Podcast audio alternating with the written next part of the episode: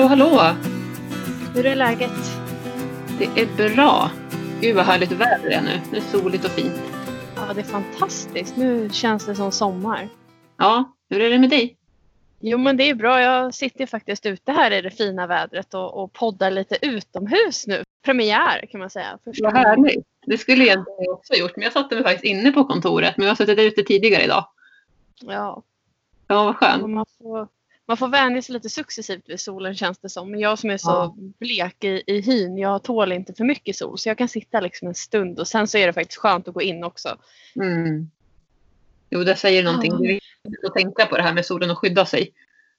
Ja, verkligen. Faktum är ju faktiskt att solen tar ju inte, in, inte bara när det är soligt utan den tar faktiskt också även bara, bara när det är ljust ute.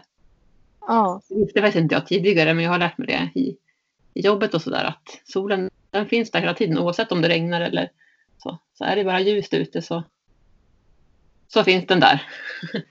det är lite häftigt ändå. Ja, men som sagt sen är det både då skadliga strålar och bra strålar. Vi får i oss mycket D-vitamin nu.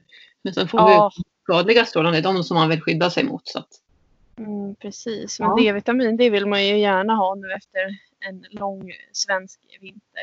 ja, verkligen. Vi är ju inte bortskämda med för mycket sol i, Sverige direkt. Inte riktigt. Vi har väl ett tema idag att prata om. Vi har fått lite önskemål här och vi får även också löpande ganska mycket frågor om det här med hur vi hinner med allting som vi har för oss. Det här med många bollar i luften. Precis, hur man hinner med. Ja. Det kan man ibland fråga sig själv, eller vad säger du? Ja, det gör jag. Det händer ganska ofta att man får fråga sig själv den frågan. Ja. Nej, men för det första så är det väl det här att man, att man tycker om det man gör, att man brinner för det man gör. Och det tror jag väl både du och jag gör. Ja, det är ju bland det viktigaste tycker jag. Ja. För gör man det så, så ja, men då blir allt så mycket enklare. Än om man gör saker som man kanske tyck, som man inte tycker så mycket om. Som jobbigt och, Mm. och ja, som man inte känner någon glädje i. Då, då är det svårt att liksom hitta motivationen och hålla igång. Ja, det är så viktigt att det man gör är meningsfullt. I alla fall är det så för mig. Mm. Eh, det är samma, jag har ju, ja, jag driver ju också ett företag precis som du gör men sen så är jag ju även anställd. Eh, och eh, jobbar då med, med barn och ungdomsverksamheter vilket jag verkligen brinner för och jag älskar det jobbet. Mm. Men det som inte är riktigt lika meningsfullt, det är viktigt men eh, jag brinner inte för det och det är det här administrativa jobbet som man behöver göra och sitta i möten och lägga budget och sånt där. Det är, det är inte lika kul att hålla på med och jag har suttit med det en hel del nu senaste veckorna. Okej. Eh, och ja, men det, det, jag upplever att det är lättare att känna sig lite jäktad eller så här, av sådana grejer som man inte hittar lika mycket glädje i. Jag vet inte hur Mm. du känner. Jag instämmer. Jag, jag har ju varit anställd tidigare men är helt egenföretagare nu. Och som du säger här med administration. Nu har jag då visserligen ett yrke. Jag, jag har jobbat som redovisningsekonom och sådär under många år. Ja, Eh, Just administrationen kan ändå nu. Nu vill jag göra de sakerna som jag tycker är kul. Och det är ju liksom att driva verksamheten med hästarna och mitt andra jobb inom hälso och skönhetsbranschen. Det är det jag liksom brinner för och tycker är roligt. Att träffa människor och personlig utveckling och allt det här. Men det är just administrativa kan väl vara det som är den, så här, den biten som inte är lika kul längre om jag säger så. Nej. Nej, och ofta känner jag i alla fall att eh, vi har möten då till exempel om budget som vi har hållit på med nu. Att man sitter då kanske 10 10-15 personer ska ha möte och då är det någon som har en genomgång av någonting med budgeten som vi behöver tänka på och åtminstone två tredjedelar av det som sägs har inte någonting med mig att göra men man måste ändå liksom vara med på det här mötet och ja, ifall det kommer någon information som man behöver ta del av och sånt tycker jag är lite jobbigt för då blir jag så här, "Åh, nu sitter jag här och det tar tid. Ja. Ja, kan det vara att du blir lite rastlös kanske? Ja, det är väl det. Det ligger något i det där. Jag gillar inte bara att, att bara, bara sitta där och lyssna. Men eh, nu senast, eftersom det är de här eh, ja, coronatiderna så är ju det mesta online nu för tiden. Så att sist vi hade ett möte då så hade jag eh, headset på mig och sen så red jag faktiskt eh, medan jag var med på mötet. Bra! det var väldigt effektivt. Det är ju bra som helst ju. Snacka om Ja. att kunna slå två flugor i en smäll som man säger. Mm. Ja, och kan man, har man lite simultankapacitet så går det ju jättebra. Jag stängde av min mick och så lyssnade jag och så sa ja men det där, det var någonting för mig, det ska jag lägga på minnet. Liksom. Så, Mm. ja, Ja, man, får bra. man får hitta kreativa lösningar och det är mycket det det handlar om tänker jag för att man ska orka Ja. med. Att man ändå hittar ett, ett, eh, ett bra sätt att eh, f- hantera allting på så att man får lite energi istället för att bara ge Mm. energi. Eller att det tar energi. Jo, för precis som du säger, det är ju så. Du har ju liksom, ja, nu har du nio hästar, men du har ganska nyligen haft tio Mm. hästar. Och det är en här. Ja. Det är ändå mycket, tror jag de allra flesta liksom tänker. Eh, Ja. tio hästar. Så hur, hur, liksom, hur hinner du med ja. vardagen? Ja du, det, det är ju jättemycket med tio hästar, eller nio hästar nu då. Ehm, Mm. Och för mig så blev ju en stor vändpunkt eh, när jag skaffade lösdrift till hästarna framförallt. Mm. Ja. Det, var ju, det var ju första steget för jag har ju haft dem uppstallade tidigare och jag har väl haft som mest sex stycken hästar tror jag på box. Ja. Eh, och då tog det ju, jag tror det tog i alla fall två timmar per dag att liksom mocka, fodra, fylla vatten och sånt där. Ja. Och sen så släppa ut dem på morgonen om det var tecken, då tar ju det extra tid också. Så eh, i och med att jag släppte dem på lösdrift så har ju det jobbet blivit mycket, mycket lättare. Eh, det kommer ju andra grejer som att man behöver mocka i hagen och i lösdriften och sådär. Men, eh, men överlag så har det gjort att jag har fått mer tid till annat. Mm. Och sen så um, är det ju... Eh, ja, alltså, kanske skulle jag hinna träna alla hästarna själv men inte göra distanspass på alla hästarna varje vecka. Nej. Eh, kanske skulle hinna rida dressyr på allihopa på egen hand men jag har ju eh, förmånen att jag har jättebra medryttare som kommer att hjälpa mig i stallet. Mm. Och eh, nu eh, var jag borta här över Kristi himmelsfärd och jobbade från onsdag kväll till söndag kväll. Just det. Och innan jag åkte bort så um, ja, varje vecka så går vi igenom vilka som kan rida, vilka dagar och tider och sånt där. Och sen så lägger jag ett schema. Eh, Och inför den här helgen när jag skulle vara borta då eh, radade jag upp då de här, eh, vad säger, torsdag till söndag. Vilka som skulle komma, vilka dagar, vad de, vilka hästar de skulle träna. Och om de behövde göra något annat, till exempel hjälpa till att mocka lite eller fylla vatten ute och så. Så det är, det är mycket liksom strukturerande. Mm. Planering och strukturering som du säger. Ja, Det är väl A och O när man har mycket runt omkring sig. jo men det är ju det. till andra också som lyssnar som tycker att man, man hinner inte riktigt med det man vill och så. Eh, att liksom se till att har man en struktur och kan man planera. Och sen så är det klart att ibland är det lätt att vara optimistisk. Det kan jag själv Mm. vara ibland och liksom tänka men det här hinner jag med och det här hinner jag också med. Men sen bara nej, i verkligheten så hinner man ju oftast med mindre än vad man kanske tror många gånger. Mm. Och där måste Ja. man lära sig faktiskt också inte från någon, alltså att man måste känna, att man inte känner sig otillräcklig utan att man faktiskt tittar på vad har jag gjort för någonting Mm. och det är det här med avstäm veckoavstämning kan ju också vara en bra grej för, liksom, för många. Att se vad har jag gjort bra. Liksom. För oftast Ja. har jag gjort väldigt mycket bra om det kanske inte alltid känns som det för- en del. Kan, kan man liksom tänka att men jag skulle ju hinna det här också men det hann jag inte. Och sådär så blir man missnöjd. Men, men eh, just att eh, tänka, tänka på liksom vad man har gjort under veckan så har man ju oftast gjort mycket. Mm. Och prioritera Ja. först och så här. Absolut. Eh, och jag satt ju förut och la, ja som sagt jag planerar vecka från vecka, med, eh, vecka till vecka med mina medryttare. Och tidigare så skrev jag ju ut ett schema måndag till söndag och så skrev jag in vilken vecka det var, till exempel vecka 22 som det är nu.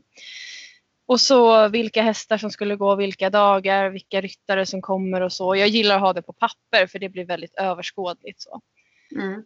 Eh, Och sen så skrev jag oftast upp vilka pass hästarna skulle gå vilka dagar för jag visste eh, hur mycket tid jag hade och hur, hur mycket tid medryttarna hade också. Eh, nu har jag slutat med det tillfälligt just för att jag, ja, men det är inga tävlingar just nu så att vi rider ganska kravlöst och gör bara våra vanliga underhållspass så att säga. Men, mm. Eh, men det är ju ett väldigt bra tips om man eh, vill få lite bättre struktur på um, träningen med hästarna eller träning för sig själv för den delen också. Att man faktiskt ja. planerar lite varje dag eh, vad man ska göra. Mm. Bra tips. Ja. Eh, men liksom, du har ju jobb också. Hur, hur mycket mm. procent jobbar du som anställd?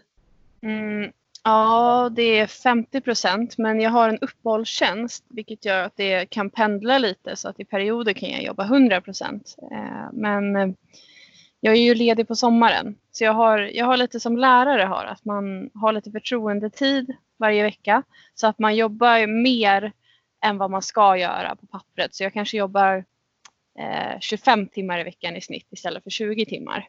Okay. Och det är för att jobba in min tid under sommaren då. Så då mm. får jag timbank och så är jag ledig. Och får betalt. Ja. Och det är ju guld värt om man håller på med hästar och tävlar. För det är ju mest tävlingar under den säsongen. Ja. Eh, nu, har, nu har jag faktiskt jobbat lite mer än vad jag ska göra. För eh, mina ungdomar som jag jobbar med, de har behövt det lite extra nu när det är, det finns, ja men allting är nedstängt typ. Mm. Så uh, vi har haft uh, ganska många sådana här uh, läger och ja, vi lagar mat ihop och spelade volleyboll nu gjorde vi jättemycket i helgen och spelade fotboll och brännboll och hittade på saker liksom. Mm. Så då har det blivit lite, lite för mycket arbetstid för mig. Men jag har ändå känt att det är värt det och jag tycker att det är superkul.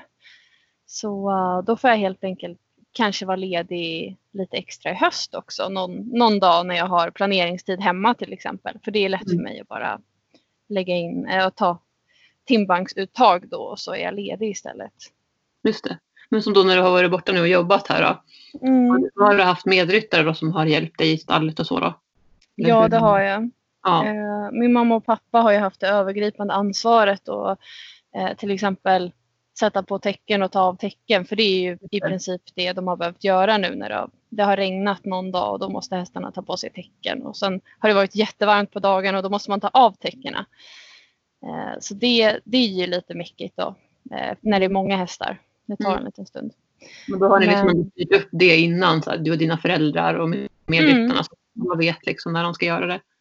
Ja. Och, och det är just det här med planeringen återigen. Liksom, återkommer till mycket till det här med planering. Mm. Eh, för upplever du liksom att det är svårt ibland att få till planeringen eller tycker du att det flyter på bra? Oftast flyter det på bra men, men det är klart att det är svårt ibland och då är det ju framförallt när någonting ändras ja. i planeringen. Då blir det knepigt. Ja. Får man, man lite. Ja, du känner säkert igen det där när man har ja. tänkt någonting och för mig kan det vara så att jag har planerat in något ridpass en dag och sen så hör eh, medryttaren av sig kvällen innan och säger att den har blivit sjuk. Mm.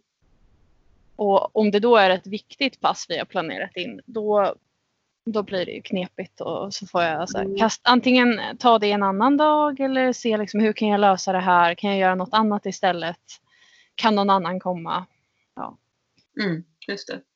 Men det är ju sånt som, ja, det är ju livet liksom. Så är det ju. Det, är liksom, saker händer ju och livet kommer emellan och så vidare. Och som du säger, mm. man det kan man inte rå för och så.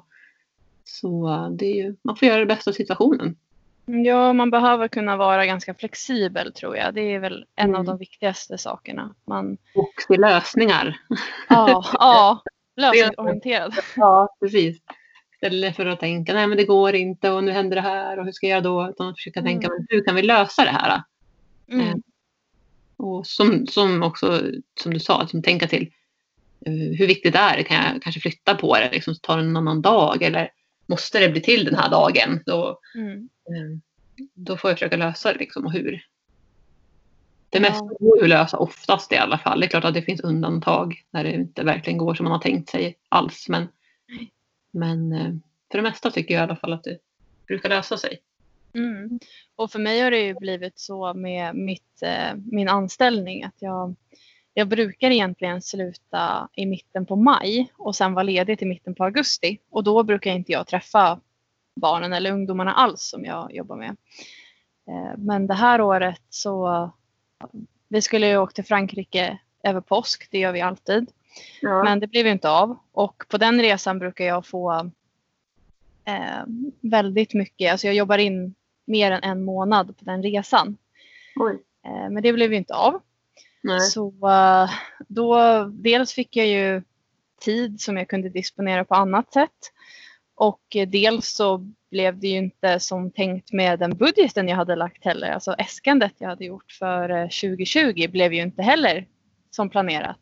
Nej. Så då fick jag tänka om lite. Vad kan vi göra för andra saker så att vi ändå använder en del av den budgeten jag har lagt.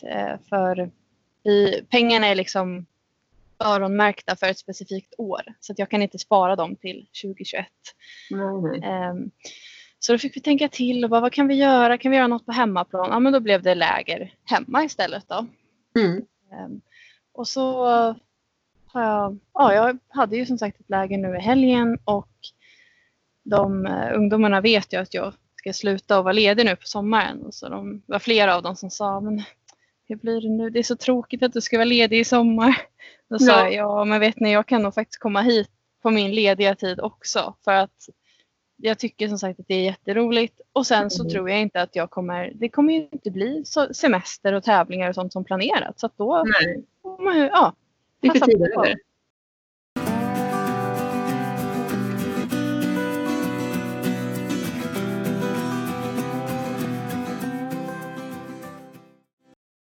Ja, eh, men hur tänker du med planering och sånt då i ditt jobb? Ja, det är ju som sagt, jag är ju som sagt egenföretagare helt och hållet nu då. Sen, eh, jag måste tänka, men det är väl fyra år helt nu. Ja. ja om jag inte säger fel. Någonstans där.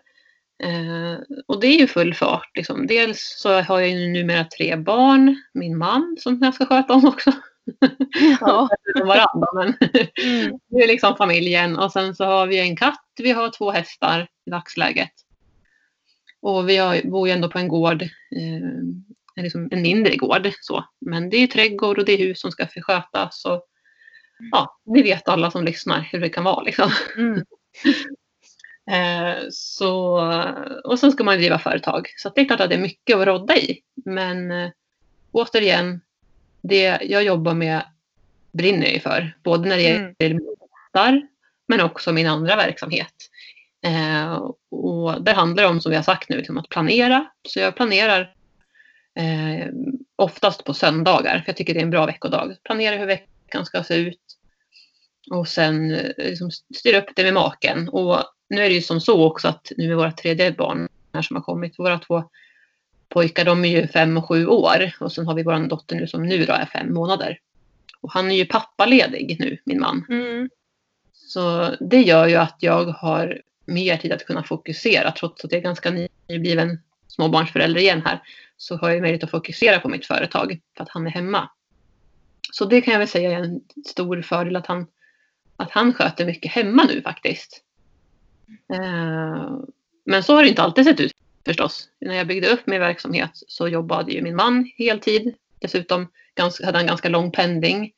Han pendlade in till Stockholm så han hade ungefär lite drygt över en timmes pendling. Liksom. Eh, och eh, ja, jag, jag hade liksom, var ju mammaledig då och byggde upp min verksamhet parallellt med mammaledigheten och så. Så då var det liksom också väldigt mycket att rodda i. Och så har vi, hade vi hästar även då.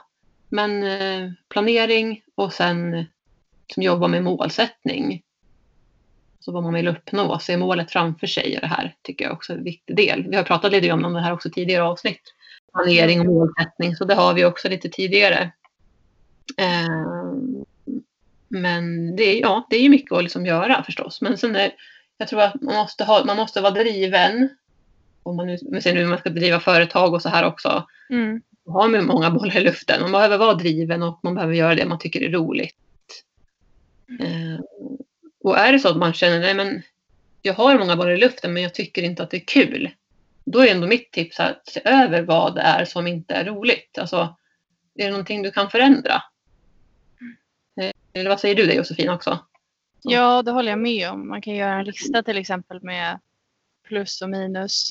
Eh, Ja. Och se liksom, om det är en specifik sak som man funderar på att sluta med till exempel. Så skriv Ja. upp då vad är positivt, vad, vad ger dig energi med det här och vad är negativt. Vad, varför tycker du att det här är något som belastar? Mm. Eh, Och jag har ju tidigare haft eh, i perioder, speciellt när jag började på mitt jobb som jag har nu, då, då var jag 22 år och eh, ja, men, jag hade något års arbetslivserfarenhet och sådär men jag hade ju aldrig varit verksamhetsansvarig som jag är nu. Eh, jag, jag är ansvarig för mina verksamheter och jag lägger budget och det är jag som står till svars för allt. Mm. Så det blev ju väldigt mycket för mig. Eh, och i samband med det så hade jag även några andra åtaganden och jag hade min satsning för landslag och så. Så att då, då fick jag faktiskt fundera lite och eh, tacka nej till, eller jag fick avsluta ett uppdrag jag hade. Jag kände att Mm. nej, det går inte. Nej. Ja, det säger en viktig sak, att kunna tacka nej till saker. Det är Och, många gånger att man behöver bli dukt, alltså, duktigare på. ja. Både att våga säga nej men också vara ärlig mot sig själv och så här. Ja. Jo men och det, det var, för mig var det så att jag gick och grubblade på det jättelänge och kände att ja, vad ska jag göra och det känns taskigt för man kan säga att jag satt som i en styr, styrelse eh, och jag kände att jag var ändå en av dem som var ganska drivande eller verkligen brann för det som vi höll på med. Och då fick jag ju lite så skuldkänslor. Och bara, men om jag hoppar av då blir de inte så många kvar och så. Men sen kände jag nej men nej, jag måste liksom avsäga mig det här nu. Och sen när jag Mm. hade gjort det, det blev det så skönt. Alltså jag kände mig så fri. Så det var Ja. helt rätt beslut. Mm. Jo, jag kan känna igen mig i den känslan då när jag, när jag sa upp mig från min anställning. Det var också en sån här faktiskt befrielse. För mig var det det. För jag hade Mm. velat länge så. Eh, och när man väl tar det där beslutet som kan vara lite jobbigt samtidigt eh, så Ja. känns det skönt sen efteråt. Mm. Oftast är det här lite i början när man ska göra någonting så här som man ställer sig inför som kanske känns lite jobbigt så är det ju oftast då det är som jobbigast innan man har gjort det som man kanske vill göra. Ja. Sen faller allting på plats liksom. Ja, och ibland ska vi kanske, ja, vi kanske ska säga också att ibland så um, är det ju så att man kanske, det man håller på med, allt det man håller på med ger energi. Man tycker att det är superkul, men det är för mycket saker. Och då kan man ju ändå behöva sluta med någonting. Ja. Och det kan nog vara lite jobbigare då som sagt. För om Ja. man tycker att allting är väldigt roligt och man måste välja bort någonting. Ja, vad kan man göra då? då? Har vi något tips där? Ja, alltså det som jag avslutade, det var egentligen någonting som jag tyckte var väldigt kul. Mm. Men, och så därför blev ju beslutet svårt eftersom jag, ja, jag kände att ja, men det här, jag vill hålla på med det här på ett sätt. Men å andra sidan så gjorde det uppdraget att jag hade svårare att fokusera på min elitsatsning. Mm. Och då fick jag liksom ställa mig frågan, okej men vad är det jag vill mest? Och det är ju att satsa på tävlandet. Liksom. Mm. Så då kände jag att nej men jag får, jag får välja bort den här saken. Och eh, någonstans, jag gjorde inte en, en eh, lista på papper men jag gjorde nog i huvudet så att jag liksom vägde för och nackdelar. Och som sagt fundera på vad är det jag vill mest. Mm. Och då är det väl det här med målsättningar som du nämnde också. Att man Ja. på det. Och även om, som vi säger här nu, att om man, det är saker som man tycker är väldigt kul alltihopa. Så om man börjar gräva lite djupare i det och liksom väga för och nackdelar. Så som du gjorde här nu med att du kom fram till att du ville sikta på, satsa på tävlingen. Mm. Så, så kommer man ändå liksom någonstans till kärnan. Liksom, vad är det viktigaste? Vad är det jag som brinner för och vill göra? Ja. då, även om allting kan kännas för stunden väldigt roligt. För så var det ju med min anställning jag hade, för jag trivdes ju jättebra på mitt jobb och med de arbetsuppgifter och kollegor jag hade. Men det var liksom ändå det här, jag kände att ekorrhjulet rullade på, liksom bara. Mm. Ja, det, liksom det var, jag, jag kände mig liksom lite låst inom kontorstiderna som jag hade och sådär. Och med barnen och med hästarna och allt det här och så. Och mitt, Mm. företag som jag hade börjat på också så kände jag att det är det jag vill. Jag, liksom, jag vill ha den här friheten och flexibiliteten. Så det var ju därför jag tog det här steget att jag sa upp mig när jag hade byggt upp min verksamhet parallellt med min anställning. Men, men det är Mm. klart att det var ju som jobbigt att släppa det också för att man vet ju vad man har samtidigt också. Alltså, Mm. och är det någonting man tycker om så är det ju svårare att släppa det. Ja, verkligen. Där eh, kan jag relatera till. För eh, jag ställdes också inför ett dilemma. Eh, Det var för ett par år sedan. Då eh, på min arbetsplats så genomfördes en jättestor eh, omorganisering. Okej. Då de slog ihop. eh, Alltså, man kan säga att jag har jobbat i två olika orter tidigare. Och nu slog de ihop flertalet orter i anknytning till Norrtälje bland annat som är en av orterna som jag nu är. Jag har kollegor i Norrtälje fast jag jobbar i en annan ort. Mm. Så att liksom vi, blev, vi gick från kanske ett arbetslag på 10-15 personer till över 100 personer i ett arbetslag. Så det blev liksom stor skillnad. Ja. Ehm, och det, det blev, förändringar i eh, hur man ska göra saker, i administration och massa grejer. Så det var en ganska rörig period och vi fick först en chef som fick sluta och så kom en ny och det var, alltså, det var turbulent. Mm. Eh, Och jag kände liksom att vad ska jag göra? Och de började prata om att kanske byta ut min kollega. Och det vill jag absolut inte för vi kommer superbra överens och har liksom jobbat ihop oss på ett väldigt bra sätt. Ja. Så då gick jag faktiskt och funderade på vad men ska jag säga upp mig alltså, och satsa på mitt företag? För det brinner jag ju för också. Eh, Men det som fick mig att stanna det var ju just barnen och ungdomarna som jag jobbar med. Mm. För jag kände där att nej, men jag vill inte lämna dem. Och, eh, jag blev er, erbjuden eh, en tjänst i, eh, ja, i orten här där jag bor. Mm. Och jag funderade på om jag skulle ta den eller åka dit och på intervju. Jag, det var liksom bara ett första steg. Så här, ska jag åka dit och kanske prata med dem i alla fall? Men sen kände jag att nej, men jag trivs ju så otroligt bra med de människorna som jag jobbar med. Barnen och ungdomarna eh, och mina kollegor. Så att nej, men jag stannar. Och det är jag jätteglad för idag. För nu är liksom allt toppen. Men det kommer ju sådana där perioder ibland då man hamnar i en situation som är, man inte kan rå för riktigt. Mm. Det är så här yttre omständigheter som man inte riktigt kan påverka som gör att man ja, blir stressad eller får för mycket arbetsbelastning eller vad det kan vara. Ja. Eh, Och jag, jag gjorde faktiskt så, ska jag säga, att jag, jag sa till min chef att ja, men jag, jag vill inte att ni byter ut min kollega. Nej. Eh, Och jag är väldigt trygg i mig själv, i min tjänst. Jag vet att jag gör ett bra jobb och sådär. Så att jag kände att nej, men då får de liksom ta ett beslut här. Om de tänker byta ut min kollega och jag vet inte vem jag ska jobba med, nej men då säger jag upp mig. Mm. Och sen så löste det sig på ett jättebra sätt. Men eh, jag tror att det, eller jag tycker att det är viktigt att man tänker på sig själv, även som anställd. Ja. Det är faktiskt det viktigaste. Och jag är utbildad hälsopedagog så jag är lite, alltså väldigt inriktad på det här med hälsofrämjande. Att det ska vara, Mm. man, ska, man ska må bra på sitt jobb och det ska liksom inte bara vara en plats man åker till för att man ska tjäna pengar. Det tycker inte jag i alla fall. Jag, kan, Mm. jag klarar inte av det.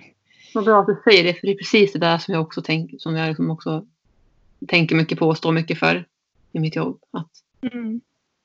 ja, det ska inte bara vara som du säger för att tjäna pengar utan det är så mycket mer. Vi är ju på vårt arbete så många timmar om dagen. Liksom. Ja, och visst kan det vara så ibland att man är i en sån situation där man måste ta vilket jobb Mm. som helst och det är ju fine. Alltså det, det, då är det ju bara att, att, jobba liksom för att överleva. Så kan det vara. Men Mm. ehm, finns ändå lösningar vill jag också säga där. att Någonstans som, har man drömmar och visioner och man vill någonting mer så, så finns det hjälp att få där mm, också. Men som du säger, för stunden kan det vara att man absolut måste liksom för att tjäna pengar och betala räkningarna. Ja, men Mm. jag tycker ändå att man ska, som du nämnde också, att man, har man en dröm eller nå- någonting man skulle vilja jobba med så ska man inte vara för rädd att försöka nå dit. Nej. Jag tror att alltså jag pratade lite grann om våra bakgrunder och drömmar och hur vi hamnade med det som vi gör tidigare Mm. om jag inte minns helt fel. Men Men där Jo, har ju men- både jag, tänker jag. Liksom, och det är ju för alla människor som gör det de brinner för. Att där har man, ju, det har, man har ju inte bara hamnat där av en slump utan man har ändå någonstans gjort, tänker jag, aktiva val. Liksom. Ja, och man kan ju inte... Det är, så, det är så svårt att veta också vart man ska hamna. Eh, Mm. Om någon hade frågat mig när jag gick i gymnasiet, då gick jag författare, journalistik, mediainriktning. Mm. Ehm, och alltså mina föräldrar har alltid stöttat mig i mina val. Eh, även om Mm. det är jättesvårt att få jobb inom den branschen så, så vill jag ändå gå någonting som jag tyckte var kul och jag älskar att skriva och sådär.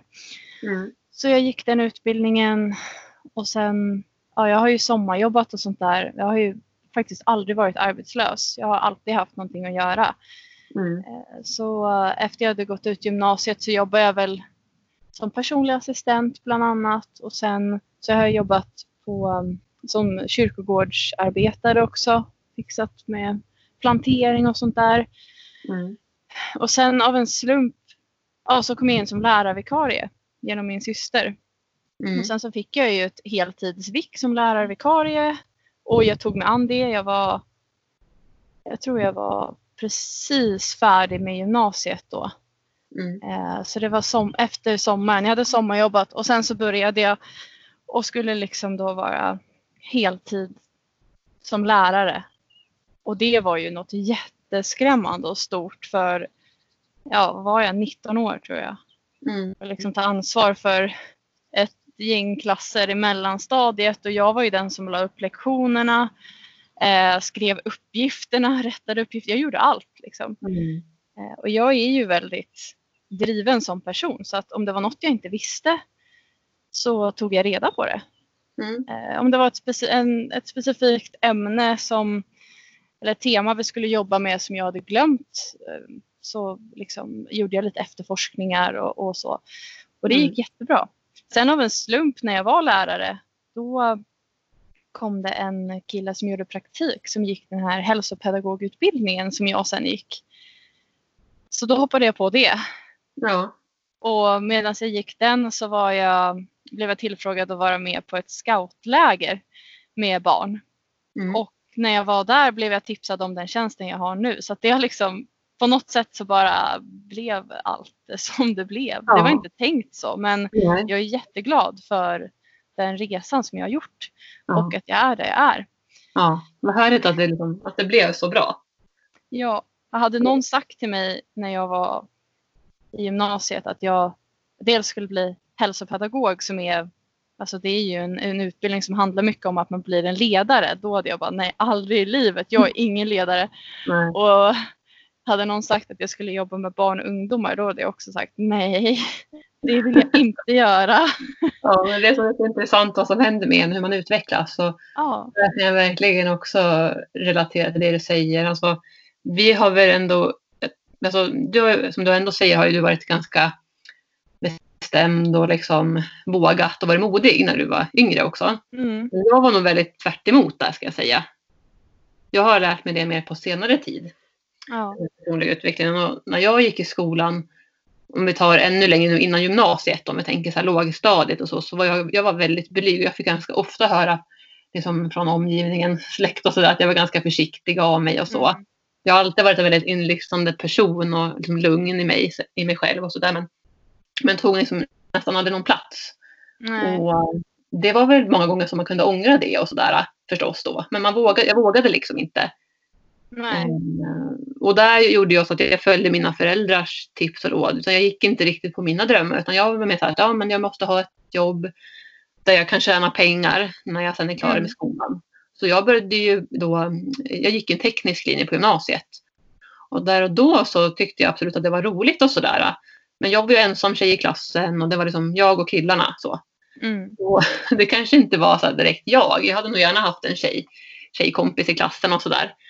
Eh, Men jag genomför i alla fall hela den gymnasieutbildningen och ja, fick jobb efteråt. Och precis som dig, jag var också 19 år då när jag började jobba på ett företag som säkert många känner till som heter Sandvik. mm, Och där jobbade jag ju som svarvare. Och även där så var jag ensam tjej. Ja, 30 män.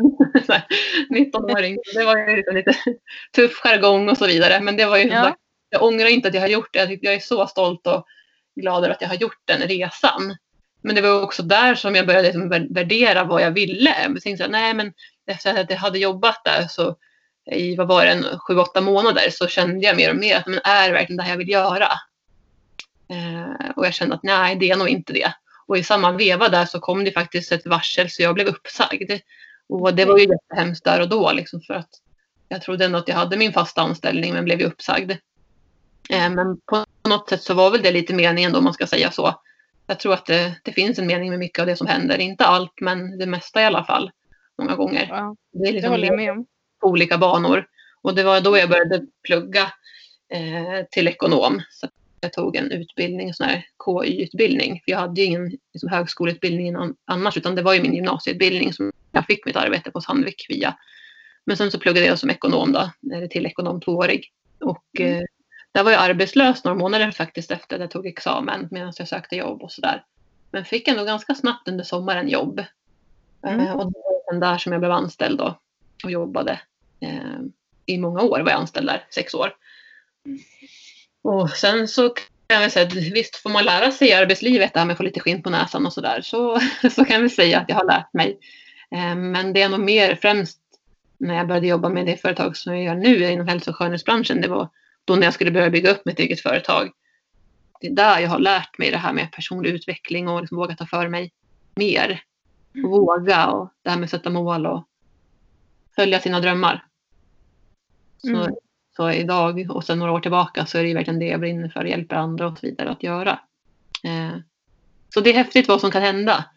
Från att man kanske är den här blyga personen till att man faktiskt eh, ja, blommar ut. Mm. Ja men verkligen. Jag känner igen mig i det där för jag har också alltid varit väldigt blyg. Eh, mm. speciellt ja, men ända upp till gymnasiet tror jag. För mm. när jag började gymnasiet så valde jag en annan ort än där jag, ja, där jag bor. Så jag ja. började i en ganska stor skola i, utanför Stockholm. Ja. Eh, och när jag började där så hade jag bestämt mig för att nej men nu, här är det ingen som vet vem jag är. Liksom. Så att nu kan jag skapa en ny roll för mig själv. Mm. Och då bestämde jag mig nästan för att jag skulle vara väldigt framåt och liksom våga saker. Och det funkade faktiskt. Ja. Jag är jätteförvånad över det idag men eh, det, var, det var ett bra koncept. I och med det så har liksom bara personlig, den eh, personliga resan och utvecklingen fortsatt. Mm. Jo, men jag kan känna igen mig det som du säger, att man tar på sig en roll också. Och man säger alltid att man ska vara sig själv. Så det är inte det vi pratar om här nu, utan alltid ska man vara sig själv. Men man kan ändå liksom... För man, alltså, många gånger kan man ju veta att man är en person som kanske inte är den som man utger sig för att vara ibland. Alltså just det här att mm. man... Jag var ju egentligen inte blyg när jag var med mina vänner och min familj. Jag var ju ganska Nej. framåt sådär. Men jag var det i sammanhang i skolan när jag kunde känna mig vissa perioder lite utstött och sådär. Då blev jag den här liksom, försiktiga, mm. tysta. Mm. Eh, och, och det är det jag menar att då kan man ta den här rollen att men hur är jag annars? Hur är jag egentligen? Alltså våga liksom mm. sträcka på sig och ta för sig. Ja, men jag håller med. Att det fick jag lära mig senare år som sagt. Ja, nej men det är jätteviktigt. Ja. Eh, och sen att man man tillåter sig själv att inte vara perfekt också. Jag, har, eh, mm. jag tycker att det är fortfarande idag jobbigt att träffa nya människor eller om det är någon som ska komma till stallet som jag ska lära känna, någon som ska börja rida och sånt där. Alltså det för mig är en liten spärr där men jag känner alltid så innan att åh, nu ska jag träffa någon ny människa, jag vet inte vad det här är för person och sådär. Men sen när vi väl träffas så släpper det. Ja. Eh, men det är liksom någonting som typ ligger kvar sedan gammalt och ja och så. Men jag vet ju om det och jag tycker det är viktigt att även om man känner sådana begränsningar ibland så ska man försöka att pusha sig själv lite och, och göra saker som man inte alltid känner för. Precis, för det är ju det, det, är det man pratar om det här med komfortzonen. Utan det är utanför komfortzonen som man växer. Mm. Och det tror jag det är det som för både dig och mig, vår utveckling och där vi är idag med företag och så vidare, att det är för att vi har gjort saker som har varit obekväma. Ja, och det kan vi... Ja, och, och, bara podden är också en grej som var helt nytt för oss. Som jag kände, kände in, när vi började prata om att podda så var jag ju väldigt såhär, ja, ja, det, ja, det, det känner mig inte bekväm med det tänkte jag. Men, eh, men det, ja, det har varit jättekul den resan ja. också. Ja. Jo, men jag håller med. Det, man måste ja. våga saker. Och liksom. Oavsett om de är små eller stora. Att ta ett, liksom ett steg i taget och testa sig fram och tänka men vad är det värsta som kan hända? Mm. Eh, och oftast kanske det inte är så farligt som man kanske tror. Nej, och så är det ju om man vill hitta på någon mer sak. Eh, alltså apropå att ha många bollar i luften om man vill prova något nytt. Eh, eller vara var med i någon styrelse i en förening och så vet man inte om man har tiden till det. Man kan alltid prova. Mm. Och sen så kan, är det okej okay att säga nej men jag måste avsluta det här eller det här var ingenting för mig. Mm. Man har ju lärt sig någonting tänker jag även på det då. Mm. Absolut. Man inte ser någonting som misslyckande eller så utan att det är så man lär sig och ser vad som passar en. Ja, och um, det här med om man vill satsa på hästar och så, så är ju ändå det viktigaste alltid att det ska vara roligt. Man får inte glömma att även om man gör en satsning och det är tufft ibland och man kanske inte känner för att gå ut och göra ett visst träningspass så ska det ändå i slutändan liksom kännas bra och vara kul. Mm. Det är ju det viktigaste, att man har sådana dagar också. Ja. Jo, Allt. men det kan man också säga att det här med att ha många bollar i luften som både du och jag har är ju att det är klart att vi har dagar där det känns att man, nej, jag vill inte gå ut ur sängen. Liksom. Nej. och visserligen har jag friheten att jag skulle kunna tillåta mig själv att göra det så för att jag är min egen chef. Men det är klart mm. att det blir konsekvenser. Liksom. Jag måste göra mitt jobb. Jag, menar, jag, jag har mm. ingen chef till mig. Det är jag som är min egen chef så att säga. Jag har ingen som annan som säger det. Men jag måste ta mig själv i kragen och, och liksom göra det som jag behöver göra. Så att eh, ja, det, det finns mycket man kan prata om. Ja, verkligen. Men eh, vi hoppas väl att ni har fått lite inspiration och lite mera eh, inblick i vår vardag. Även om det är som du säger, det finns ju massor, massa mer att säga liksom. Men mm. Eh, i alla fall en liten inblick. Mm. Och har ni frågor och funderingar på saker som vi har pratat om eller inte pratat om så, mm. så som vanligt så är ni jättevälkomna att höra av er till oss. Ja. Både på vår Instagram och på vår Facebook och via mail. Då ja. säger vi så för idag. Det gör vi. Så hörs vi nästa vecka igen. Ha det så bra allihopa. Hej då! Hej då!